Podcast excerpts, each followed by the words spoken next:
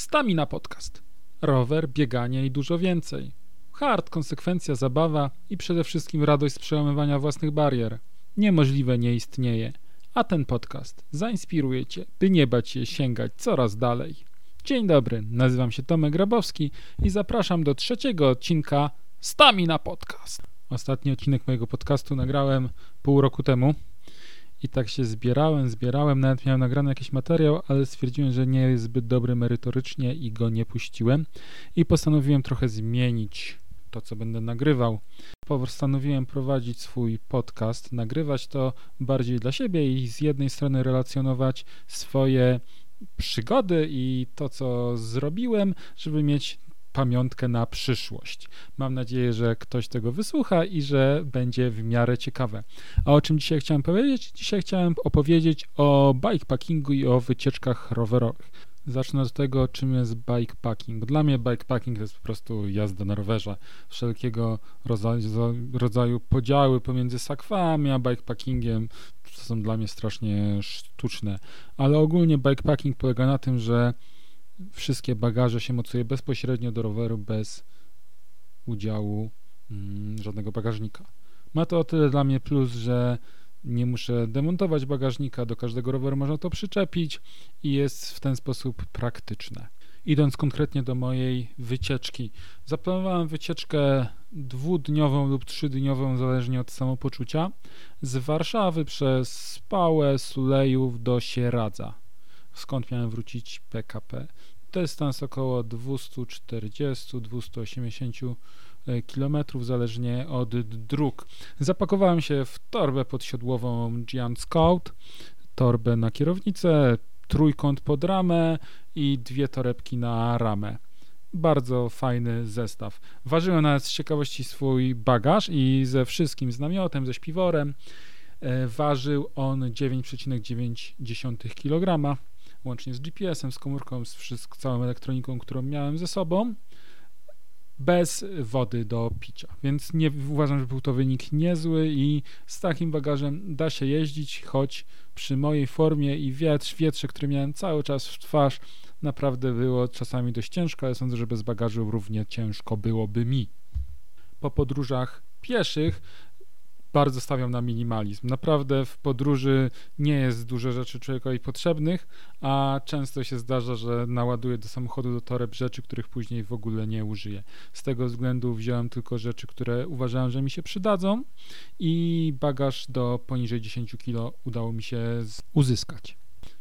Trasę oczywiście zaplanowałem sobie wcześniej na mapach, na MyMapsie i już te, tym razem nie korzystałem z map papierowych, ale ślad wrzuciłem do Garmina GPS Map 64. Świetna sprawa dla ludzi, którzy nie kochają map, jest dużo lepsza niż mapy papierowe. W każdym momencie można sobie zmienić trasę, bardzo polecam. Jest dużo praktyczniejsze niż y, komórka na kierownicy z tego względu, że jest wodoodporna, nie rozładowywuje się, bo jest na akumulatorki, więc można po prostu wymienić baterię AA y, i na dłuższe wyprawy nie ma potrzeby wożenia ze sobą ładowarek i szukania prądu w restauracjach i knajpach przy spaniu w namiocie. Więc wyruszyłem, wyruszyłem spod Warszawy i ruszyłem na Spalskie Lasy. Piękna trasa przez Tarczyn, wokół sadów, dalej przez yy, Białą Rawską, aż koniec końców wylądowałem w lasach spalskich, gdzie się posiliłem obiadem, miałem jechać do Sulejowa, ale ze względu na delikatne problemy natury yy, żołądkowej stwierdziłem, że pora się rozbić gdzieś w lesie, więc szybko wskoczyłem do pilicy, gdzie się udało mi wykąpać i rozbiłem swój namiot w lesie w, w Spalskich Lasach. Udało mi się zrobić 100 kilometrów z wiatrem w twarz. Zacząłem dość późno, około godziny 11 wyjechałem. Średnia nie była powalająca, ale nie ta formy nie ma, no nie, nie oszukujmy się. Bardziej ta wyprawa była w celu przetestowania sprzętu i zobaczenia, czy w ogóle taka forma rozrywki mi się podoba. Z tego względu, że wszystkie torby wcześniej miałem zakupowane, ponieważ o wyprawach rowerowych człowiek dużo, dużo myśli.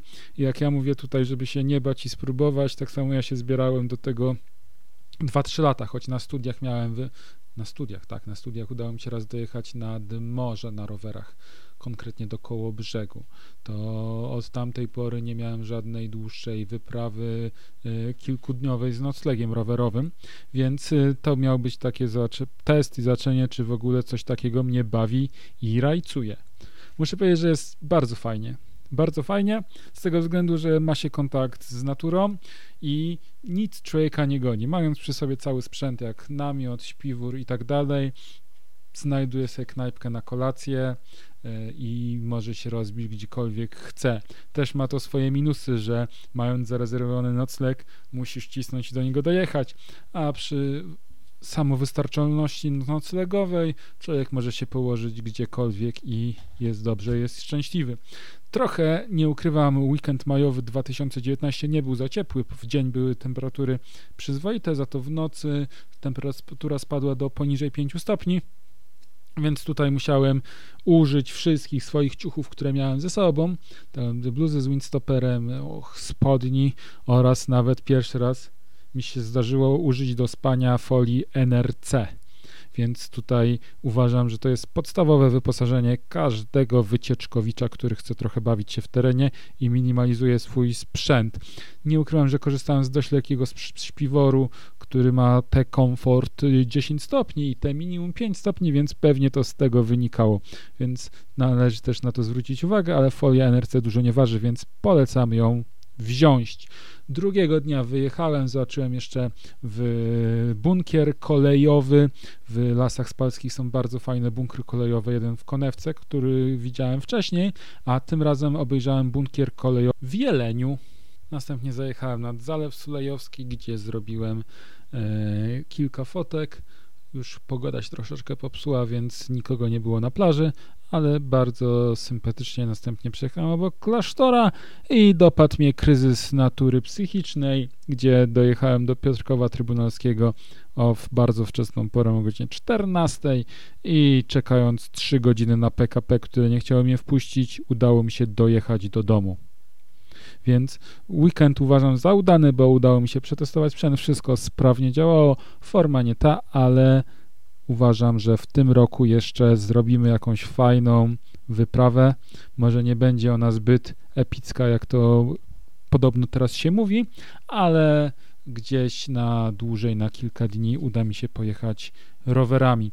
Na pewno takie moje przemyślenie po tej wyprawie fajnie jest jakaś z kimś, bo samemu, zależy kto, co kto potrzebuje od wyprawy, ale samemu jest tak no, smutno, bo jak to w filmie o podróżnikach, podróżniku Into the Wild e, powiedział na koniec główny bohater w swoim pamiętniku napis szczęście jest autentyczne tylko wtedy, kiedy się nim dzielisz. I ja chyba też jestem stadny i nie mógłbym pojechać sam na pół roku na wyprawę i czerpać z niej radość, bo no chyba, żebym ją ładnie relacjonował i bym miał jakiś feedback. Ale tak samemu z siebie widzi się tyle pięknych rzeczy i zawsze żałuję, że nie ma przy mnie osób, z którymi mógłbym dzielić tą radość, jeżeli widzę coś ładnego. Nie przedłużając, zapraszam wszystkich na swoją stronę internetową staminapodcast.pl, gdzie oprócz możliwości przesłuchania tego odcinka będziecie wrzucę parę fotek oraz spis sprzętu, z którego korzystałem oraz może GPX-a. Dziękuję za wysłuchanie. Do usłyszenia, do zobaczenia. Pozdrawiam. Tomek Grabowski.